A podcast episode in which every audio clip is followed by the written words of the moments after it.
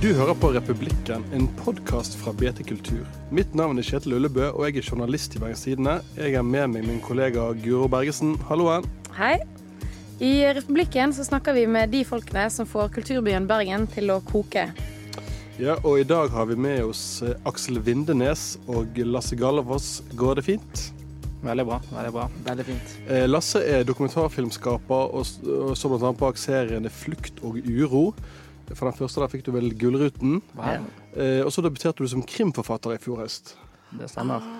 Og så var det deg da, Aksel, og her må jeg, eh, her må jeg nesten trekke pusten. Eh, du er kanskje mest kjent som frontfigur i bandet Kakk Motherfucker. Mhm. I tillegg er du kunstmaler. Ja. Du er rapper. Ja. Du er en slags eh, sånn chairman i Bergen Mafia Records. ja, ja, ja. Og så har du akkurat eh, gitt ut en bok, du også, som heter The Bible of Joy. ja. Den har ikke kommet helt ennå, men den er på vei ut i disse dager. Ja, den er på vei ut. Altså, den eh, er, den er digitalt tilgjengelig. Um, jeg bare, først tenkte jeg vi skulle ta Forrige gang så snakket vi litt om navnet på denne podkasten, Ja. som altså er Republikken.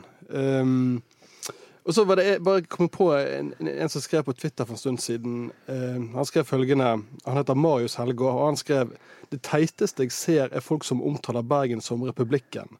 Akkur, akkurat som om de ikke ville blitt et føyda, føydalismebasert monarki dersom de fikk selvstendighet der borte. Hva tenker dere to gutter, hvis Bergen ble uavhengig, ville det blitt en republikk? Eller ville det blitt et monarki med en litt sånn eksentrisk eh, Et litt eksentrisk statsoverhode?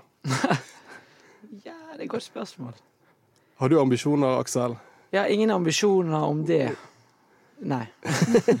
Det er jo veldig mange som skriver på Twitter nå da, at de vil ha Leo Ajkic som president. Ja, Så det Ja. kunne vært veldig fint. Ja. Ja. ja. Leo, han hadde digget Jeg, jeg mener Men jeg jo tror ikke han skal få sånn uh, opplyst enevelde, uinnskrenket makt. Altså. Jeg tror det er bedre at han kan kastes ved valg. Vel, jeg mener jo det at jeg er litt uenig med det, da. Jeg, jeg begynner å bli eh, litt sånn opptatt av å få ting gjort. Og når vi skal ha alt denne demo- demokratiet og alt det som vi har nå, så er det ikke så mye Jeg syns ikke det blir bedre, da. Jeg hadde digget mye mer hvis Leo bare hadde fått være diktator i en periode. Da hadde det blitt mye bedre samfunn, syns jeg. Ja. Helt seriøst. Men du, nå over til noe annet, og først skal vi høre litt musikk.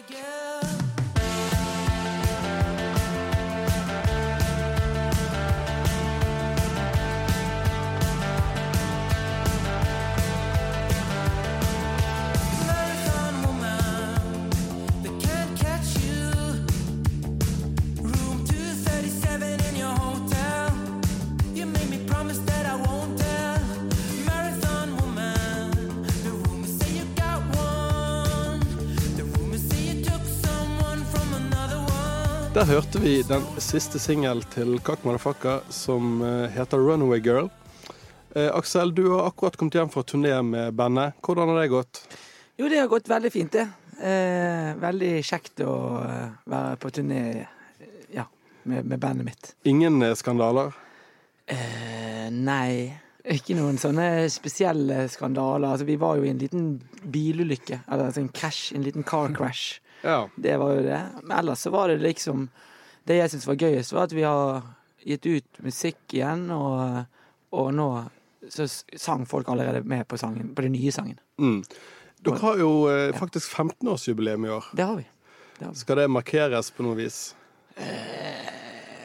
Ja, vi spiller jo mange konserter hele tiden. Eh, vi er liksom ikke så opp... Ja. Jeg, jeg syns det er gøy å tenke over det, men det er liksom bare et tall. Skjønner du? Du, eh, all allerede i 2004, når dere akkurat hadde startet, så skal vel du ha sagt at du mente Kakk Motherfucker var verdens beste band. Beskjeden beskjeden som du er. Ja, men jeg har ment det hele tiden. Ja. Jeg mener jo fremdeles at det er få som er bedre enn oss. Ja. Altså, seriøst. Men hvis dere var verdens beste band når dere startet, hvor gode er dere nå? Ja, nå er vi helt sinnssykt gode. Ja, men vi er jo det. Altså, nå eh, Hver eneste sted vi, vi, vi drar, så er det jævlig gledens tid. Helt utrolig. Det er trampeklapp og glede. Og så er det jo selvfølgelig noen steder vi er mer populære enn andre. Mm. Men vi er liksom et evig sånn undergrunnsband på en måte som bare Det sprer seg selv, og folk har jo en tysker mange, Massevis av folk som har kommet og sett oss syv-åtte ganger. Mm. Skjønner du? Møter dere mange sånne eksentriske fans når dere spiller i Tyskland, Belgia, der Ja. dere har spilt nå? Ja da, det gjør vi jo. Det som er gøy, er at jeg har alltid sagt at vi er intelligente fans. Og det har vi jo også. Sant? Sånn, I Wintertour så bor det en, det er en by i Sveits, så bor det en tysk arkitekt som ja, han reiste fra, så oss først i sitt hjemby, og så reiste han også til Østerrike for å se oss der. liksom. Helt normal. Eh, jobber for et kult arkitektkontor og er bare fete folk. Det, er det mer ønskelig for et band å ha intelligente fans enn uintelligente? Det er det som er liksom hele min approach in life. skjønner du? Jeg, gjør, jeg har, lager koder som gjør at det er bare intelligente folk som eh, liker meg. Kanskje du avslører en sånn kode for oss nå? Kakk motherfucker er en sånn kode. Ja, ja. Det at de, det, jeg skiller veldig de som eh, eh, De som brukte lang tid på å ta kakk motherfucker seriøst, og de som brukte kort tid på det. For meg er det veldig tydelig. Eh, ja. Da dømmer jeg de eh, intelligensmessig ut ifra det, for eksempel. Det er en av mange måter å gjøre det på. Hvis man er en intelligent person, så må man lage seg sine egne eh, labyrinter for å finne de kule folkene. For hvis ikke så er det bare drit som kommer. Du Lasse, du er jo eh, dokumentarfilmskaper. Um, når du er ute og filmer, er det, og så har du med deg en liten gjeng, er det litt som å være på turné med et band? Ja, vi reiser jo rundt i eh, mange ulike land, og vi møter mange eksentriske mennesker. Men jeg føler vi har litt sånn at vi, vi kan ha det gøy på kveldstid. F.eks. når vi var og filmet i, i Spania og møtte de som levde på Nav der. Ja. Så er vi på karaokebar om kvelden, og da synger Leo eh, 'Summer Lovin' med hun ene vi intervjuer. Og Vegard, fotografen, står der framme foran alle og prøver å synge 'With a little help from my friends' av Beatles. uten å kunne teksten, og uten å forstå at han er nødt til å lese den teksten på skjermen, som er liksom til hjelp når man synger karaoke. da. Men forskjellen for oss er jo at vi da må stå opp neste morgen for å kjøre to timer i bil for å intervjue en eh, akademiker om velferdsstaten. Så vi kan liksom ikke ta rockemyten helt ut. Kunne du gjort det dagen etter eh, KAK-konsert, eh, intervjue forskere om, om velferdsstatens fremtid, eh, Aksel? Uh, ærlig svar er ja, faktisk. men uh, sant Jeg har ikke lyst til å fremstå som en cocky fyr, men jeg har gjort sykt mange ting med lite søvn, for å si det sånn. Ja. Og ja. Når dere reiser på turné, hvordan forbereder du deg? Eh, Jeg vet at du er opptatt av at eh, du og band dere er veldig opptatt av at det skal være et sett som bare blir Det blir bare villere og villere, håper jeg. Hvordan, hvordan får dere frem det gang etter gang? Vi er bare For det første så har vi valgt ut litt spesielle personer. Alle er litt spesielle eh, på sin måte. Eh, og så um, Altså, det er naturlig. Jeg kan ikke vi, vi øver jo litt før, og er veldig opptatt av av, av yrket vårt, skjønner du? Mm. På samme måte som du er opptatt av å finne fakta og presentere det til folket, så jeg er opptatt av å gjøre det. Eh, være musiker og kunne faget mitt godt. Og, så det er jo det vi liksom bruker mest av all tid på. Er jo liksom være gode. Og det er det jeg føler er liksom en bergensgreie, greie som skiller Bergen litt fra andre steder. Det er at I Bergen så har vi et begrep som heter 'belit deg'. Mm. Og det fins ikke et annet sted. Når man er ung, så får man høre jævlig mye Belite i Bergen. Det får ikke du høre andre steder. Altså, hvordan oversatt Hvordan Det er sier man det på norsk? Innrøm feil, innrøm feil. Det er det de sier. Skjønner du? Vi har den greien belite, men. man. Og det, det, en annen, det, det, det gjør at du blir mye bedre. Mm. For hvis du fokuserer på det som er dårlig, så eh, får du det vekk. Sant? Men det er, det er drittøft. Man må klare å, å, å, å, å, gå i veggen, liksom, og, og være dritdårlig på ting. Så Men når du har gjort det lenge, sant? så har vi fått luket vekk alt som er dårlig. Nå er vi bare gode. Så clouet er å, å være et band der alle beliter seg. Ja, de må det. Alle, alle må det. sant? For det er det, det er sangen som bestemmer, det er showet som bestemmer. Vi, vi, vi, hvis det er en som mener vi må gjøre det på denne måten, så kan vi OK, men da prøver vi det. Så ser du lett om det funker eller ikke. Det er bare ren fysikk. Du Lasse, du, du har jo reist rundt mye med eh, Leo Ajkic og en fotograf som en, som en trio. Ja, jeg tenker at det er litt sånn som et band der òg. Altså, vi har jo en veldig tydelig frontfigur. Helt Og klart. Det er akkurat så det at man må sette sammen et band som det er gøy å reise med. Så må man sette sammen et dokumentarteam som er gøy å reise med. Det er kanskje enda viktigere. Helt det. Fordi at liksom et band kan kanskje fungere halvannen time på scenen, og så har publikum det gøy. Mm. Men hvis et dokumentarteam ikke fungerer sammen og syns det er kjekt å være på tur, så vil jo ikke de som eh, de som skal åpne seg foran kamera og fortelle sine innerste hemmeligheter og virkelig liksom eh, gråte eller le sammen med oss, de vil jo ikke gjøre det hvis jeg og fotografen ikke er med og hjelper Leo å skape liksom den stemningen som vi har. Sånn som dere gjør når dere tar oss imot her til studio. da. Prøver å skape en, eh, en hyggelig stemning, sånn at folk har lyst til å prate. For det er uro. Det, er, det dere har gjort der, det er rett og slett å, å Du har reist rundt i Norge og spurt nordmenn hva de urer seg for. Kan du fortelle litt hvordan, du, hvordan det var? Ja, det var veldig interessant. Det var jo et eh, privilegium at vi allerede i researchfasen, da reiste vi rundt uten kamera. da. Bare reiste på arbeidsplasser og satt oss liksom eh, i parken der med de narkomane, eller på, på skoleplasser, eller på, hos eldresenter og alt sånn. Og bare pratet med mennesker og spurte hva de var urolig for. Og pratet med mange hundre mennesker om det. Og ut fra det så bestemte vi oss for at vi, vi så et mønster med fem tema som vi så gikk igjen, som vi så laget episoden ut fra. Så det var på en måte det norske folk som var med å bestemme hva serien skulle handle om. Ja. Så det var jo et, og bare det å kunne være der Det er alltid kjekt å møte folk med kamera også og, og, og snakke med dem. Det er jo fordelen når man lager dokumentarfilm. Man kan stille fremmede utrolig mange interessante spørsmål som det kanskje ikke er naturlig å spørre, stille fremmede. Men det å også kunne møte de ut, uten kamera i forkant, eh, og alle disse som kanskje ikke skulle være med i serien for å høre etter hva de sa, det var et veldig, en veldig stor opplevelse for meg. Mm. Men Lasse, jeg, eh, jeg har sett eh, noen episoder, og det er jo en eh, serie som søker etter det som uroer oss. Men det er jo også en serie, opplever jeg, som er opptatt av håp, da. Og nå som eh, eh, du er ferdig med, med alle episodene, sånn, sitter du igjen med et slags svar på hva, hva, hva er løsningen? Hva er det som kan gjøre at vi kan bli kvitt vår felles uro? Uh, ja, jeg har jo en uh, enorm tro på mennesker, da. Altså sånn, Du har en uh, voldsom selvtillit, som jeg syns er utrolig kult. Og det er jo Jeg har også en stor selvtillit på egne vegne, men også på, på menneskers vegne. da. Vi er rett og slett en vi er uten tvil den smarteste apearten på kloden. Det er, det, det er ikke noe diskusjon engang. Og det menneskehjernen kan oppnå, altså de liksom nøttene menneskehjernen har knukket tidligere eh, for å løse kriser, bare, det at vi har, har vært i stand til å finne olje og eh, forvalte de pengene på en måte som, som kommer framtidige generasjoner til gode. Eh, Jeg laget jo tidligere en serie om norsk bistandshistorie og sett hvor mange land som har funnet like mye olje som Norge, som har blitt ødelagt av det. Mm. Så jeg har jo veldig... se på Venezuela nå. ja, ja. Så jeg har jo jeg, jeg har veldig tro på at mennesker kan løse det, og det er veldig mye Vi har møtt utrolig mye håpefulle mennesker, og spesielt unge folk har, kanskje fordi at de er fortsatt naive, da, veldig mye håp. Men det, det, er, jo, det er jo store nøtter å knekke. Siden vi kom inn på boken, må vi nesten snakke litt om eh, boken. Den ligger foreløpig bare ute på Amazon, eh, en bok som heter The Bible of Joy, som også finnes på tysk, spansk og italiensk. Ja. Eh, og så er det også re eh, registrert eh, noe som heter The Religion of Joy, som et religiøst fellesskap. Ja, trossamfunn. Trossamfunn på Ja. sånn Ja. Brønnøysund og sånn. Ja, ja. Hva, hva er dette for noe, Aksel? Nei, det er jo det er det det er. Det er, det er en, først og fremst Jeg hadde lyst til å begynne å skrive. Eh, og for meg var det umulig å skrive noe som helst uten liksom, ja, igjen, skrive ned. Uh, skriving for meg handler jo veldig om, om liv og liksom de, de store spørsmålene. Det er på en måte det man søker etter mye i skrivingen. Uh, og da var det, i og med at jeg har siden 2012 jobbet med denne religionen, så var det liksom det som bare poppet ut. Uh, ja. Og da bare tenkte jeg faen, det skal bli deilig å bli ferdig med det nå. Mm. Uh, Så da fikk jeg liksom satt ned alt det jeg har tenkt på siden 2012 på papiret. Og i samme slengen så mm, Ja, hvorfor ikke bare lage to samfunn? Mm. Det er jo bare på gøy, skjønner du. Altså, det er bare for, for, for gleden, uansett. Og alle har vist boken til, sant? alle som har oversett den, alle har blitt helt i hundre.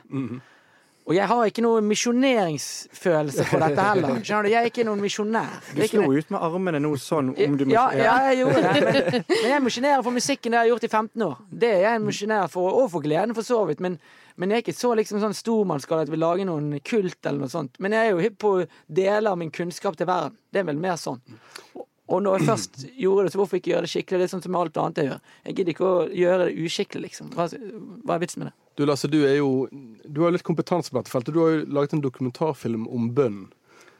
Eh, Hva, har- hva har du tro på um, Aksel sitt eh, religiøse konsept, holdt på å si? Ja, jeg tror jo det. For altså, den, den dokumentarfilmen jeg laget der, det var da sånn helt uten voice og uten intervju. Bare filme mennesker i, i religiøse situasjoner. da. Og det vi ser da, at spesielt vi som kanskje kommer fra Norge og, og, og liksom et statskirke der, tenker gjerne på religion som noe veldig alvorlig. Men, men reiser du liksom til synagogene i, i Israel eller til tempelet i India, og sånn som vi gjorde når vi filmet, så ser du at det er jo ekstremt mye glede i religionen. Helt klart. Og du, du trenger ikke reise så langt engang. Det er bare å reise til levende ord. Ja, Jeg har vært misunnelig- jeg- Jeg har vært misunnelig på de der levende ord hele mitt liv. For hvor mye glede de har og synger sammen. Skjønner du? Og jeg har ikke klart personlig kunne tro på det. Det har vært noe med det jeg ikke har likt også. Så da, det er også en av grunn, grunnene. For at ja, vi mennesker, det, det er ikke alt som er bevist av vitenskapen. Det er mange som tror på vitenskapen som om det er en religion. Det er mange ting der som er helt usvart på. Vi trenger religion. Vi trenger noe vi kan være enige om. Vi, jeg syns det er kjedelig å måtte være enig om noe som er skrevet på en knotete måte for 2000 år siden. Uansett hvor mye bra det står der. Jeg, jeg er sikkert enig med masse av det som står i Bibelen, skjønner du, og i de fleste religioner. Men hvis du går inn og ser på alle religioner, så er de, har de alle ett felles mål, det er å oppleve glede. Altså, hvis du koker den her, så er det glede de er ute etter. Joy. Du snakker som om du har på en måte oppfunnet gleden. Altså, det er jo Jeg har ikke oppfunnet gleden. nei, nei, men det er jo, altså, Grekerne har jo snakket epigreene og alt sånn. Altså, det er jo veldig mye filosofi de siste 2000 år som har bygget på dette å maksimere Glede. eh, menneskelig glede. ja. Og det burde vi ta lærdom Ja, nettopp. av. Og så, så tenker jeg kanskje at det er så et viktig steg der, da, er å tenke liksom, er det, er det, er det ens egen glede, eller er det ens, en glede for flokken? Og da den store flokken, som ikke handler om bare oss i Norge, men også hele verden, og den, de som kommer etter oss. Jeg tror at ja, man skal jobbe for å maksimere gleden, men at man da Selvfølgelig kan man sitte og tenke positivt om sin egen hverdag og ta de klassiske selvhjelpsrådene for hvordan ha mye, mye glede i hverdagen og sette pris på det man faktisk har, og være takknemlig for det. Men jeg tror at vi også må utvide, og jeg håper at religionen din også tar et, tar et utvidet gledesbegrep som, som omfavner andre enn oss her som sitter på vår eh, lille, lille tue og forbruker. Eh, De siste ukene har Den nasjonale scenen i Bergen fått noen brev som vi i Beta har skrevet om. Først kom det et brev fra advokatfirmaet Elden, som representerer moren til forfatter Vigdis Hjorth. Eh, Hun mener at forestillingen Arv og miljø krenker privatlivets fred, og det er varslet et søksmål mot DNS, som for øvrig avviste kravet fullstendig. Ja. Og så denne uken så eh, skrev vi da med enda et brev, denne gangen fra advokaten til eh, Nina Karin Monsen. Jeg vet ikke om dere kjenner til henne. Samfunnsdebattant, filosof og bergenser. Som eh, mener at eh, dette her er eh, den eh, forestillingen om Kim Friele, Kim F. Eh, at det er ærekrenkende da, mot Nina Karin Monsen, som blant annet blir tillagt noen setninger eh, som lyder eh, slik. Eh, homofile er noe annet enn normale mennesker. At hun, ja. Og så eh, sier da DNS at, eh, at dette er ikke direkte sitat, eh, men det er fremstilt sånn som Friele husker det. Og så mener da advokaten Nina Kari Monsen at dette er en grovt homofobisk tekst eh, som hun tar avstand fra.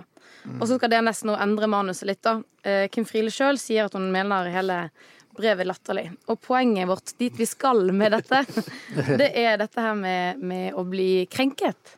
Ja. Eh, blir dere mye krenket? Ja. Ja, det gjør du.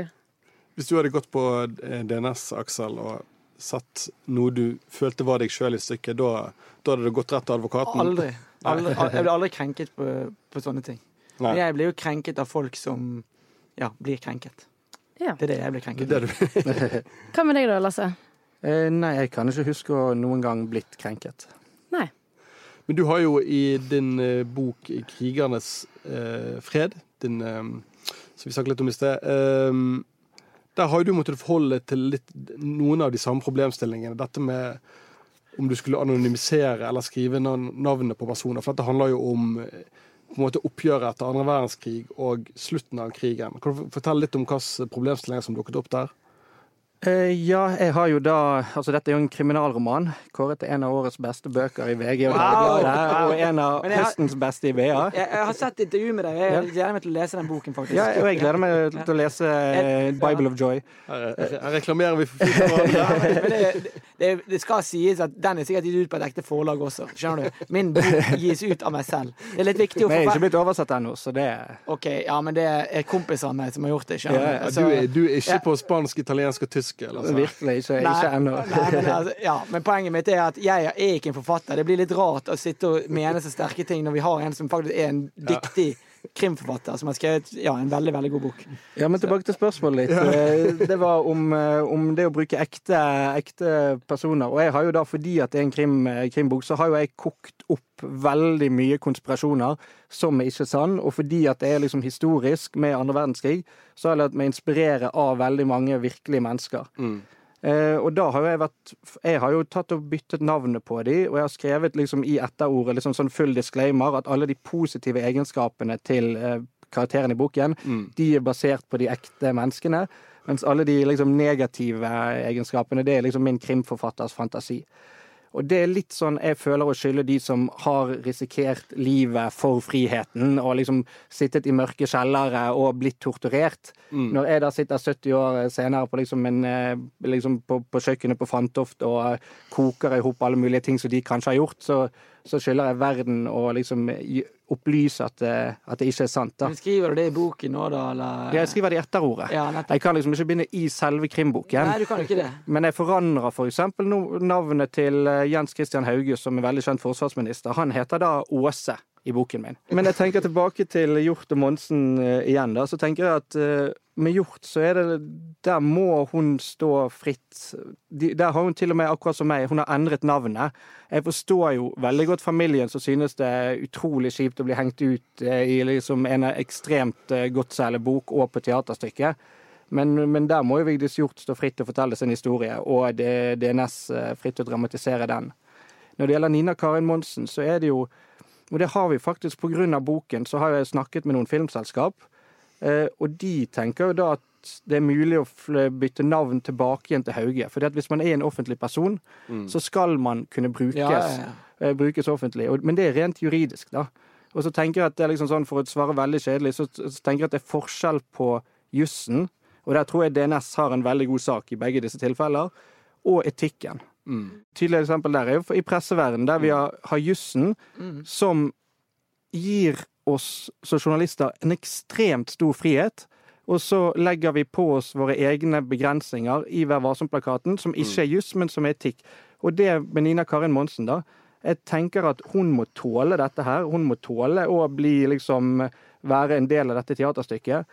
Men sånn rent, jeg tenker jo at det ikke hadde blitt et dårligere stykke om de hadde brukt noen av de tingene hun faktisk hadde sagt. Ja. For hun har jo sagt helt ekstreme ting. Mm. Så istedenfor å liksom bruke Kim Frieles hukommelse fra hva noen i Skeivt arkiv kanskje husker at hun har sagt, så kunne de gått til en av bøkene og hentet sitatet derfra, og da Ja. Men hun hadde vel Ja, for jeg skjønner ikke hva hun klager på i utgangspunktet. Hun er. Det er jo fordi hun ble tillagt ting som hun ikke har sagt, som det sies at hun har sagt. Ja, og da er det juss, spør du meg. Ja, det er ikke noe ja. mer. Hvis, hvis DNS gjør det, så bør jo hun saksøke de som bare faen. Hvis de, sier, hvis, hvis de går og sier eller fremstiller hun med noe hun faktisk ikke har sagt. Med det så tror jeg vi skal eh, begynne å runde litt av. Men siden vi har to eh, kulturpersonligheter i studio, så må jo vi eh, få be om kanskje, kanskje de kan komme med noen tips til oss, hva man kan finne på fremover. Eh, Lasse, har du, noe, har du et godt kulturtips til eh, våre lyttere?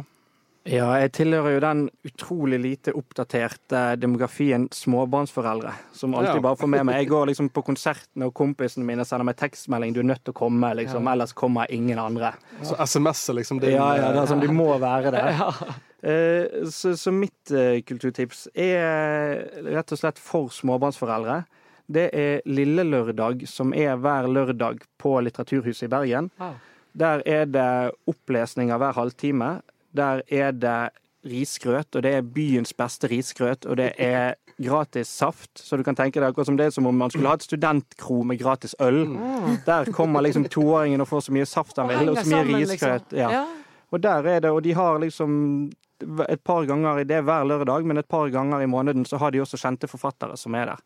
Så vi var Som jo der- leser, da, for Som barna. leser. Jeg var der med Gabriel, toåringen min. Han hadde sin debut som litteraturhuspublikum nå i januar. da. Respekt. På, det var Ruth Lillegraven som leste fra Mari og Magnus-bøkene. Ok. Eh, og han bare satt og var sånn helt fantastisk fascinert, og bare elsket hvert sekund av når, når Ruth Lillegraven leste. Eh, og så skulle hun da like etter ha diktopplesning for de litt eldre barna. Eh, men da er den O hellige ettermiddagsluren, da. Ja. Så jeg måtte ha Gabriel ut derfra før det ble vondt. Eh, og det ville jo ikke han, for han ville jo høre på dikt. Så da bar jeg han gjennom liksom sal på Litteraturhuset. Ja, kulturmannen in the Ja, making. virkelig. Og han hylgrein, og han bare 'Lese mer bok, lese mer bok, lese mer bok'.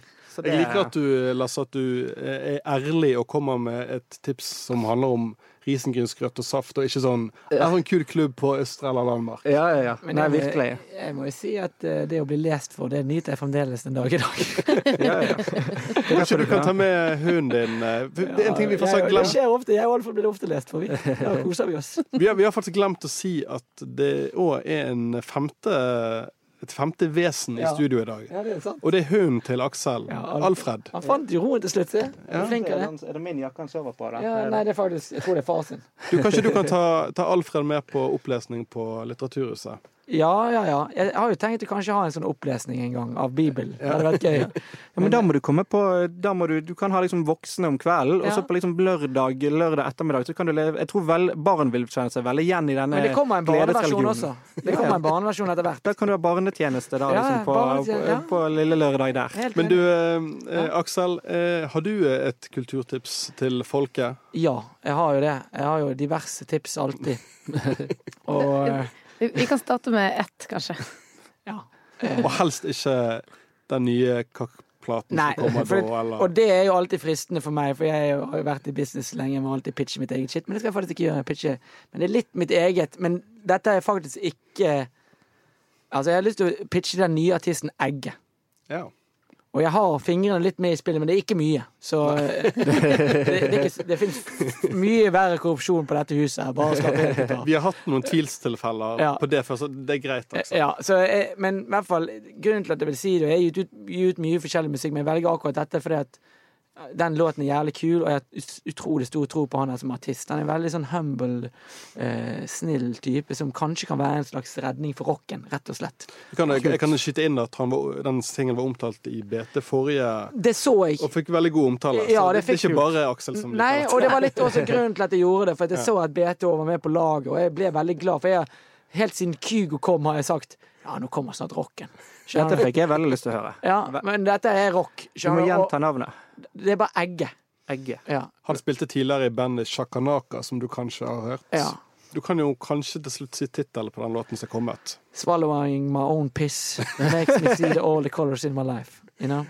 og, og det er ja, dritkul eh, låt. Virkelig kan anbefale folk å høre på. Men det er jo veldig bra. Da Da har vi et tips for eh, småbarnsforeldre, og et tips som skal redde rocken. Ja. Så tenker jeg vi har eh, nailet Da en har vi ukes hele episode. spekteret nesten. Da har vi det. Da Men da, um, da det, må vi egentlig bare si takk til våre to gjester, Lasse Gallefoss og deg, Aksel Vindenes. Takk for at jeg fikk komme. Jeg beklager stygg språkbruk. Kristoffer. Vi Takk til Alfred, ikke Takk til hun Alfred, og, og eh, produsent Henrik Svanevik, uten sammenligning for øvrig. Eh, og abonner gjerne på Republikken på eh, iTunes eller din foretrukne podkast-provider. Eller BTNA. Eller BTNO. Eh, Og kan du abonnere via BTNO? Nei, du kan høre via oh, ja. Å, Kan du det? Ja. Chill. Takk okay. for oss. Takk for oss. Takk. Takk. For all deceased had his mom, but the couch pillow is working just fine. You will never be my baby's boss, man. You're just wine and cheese.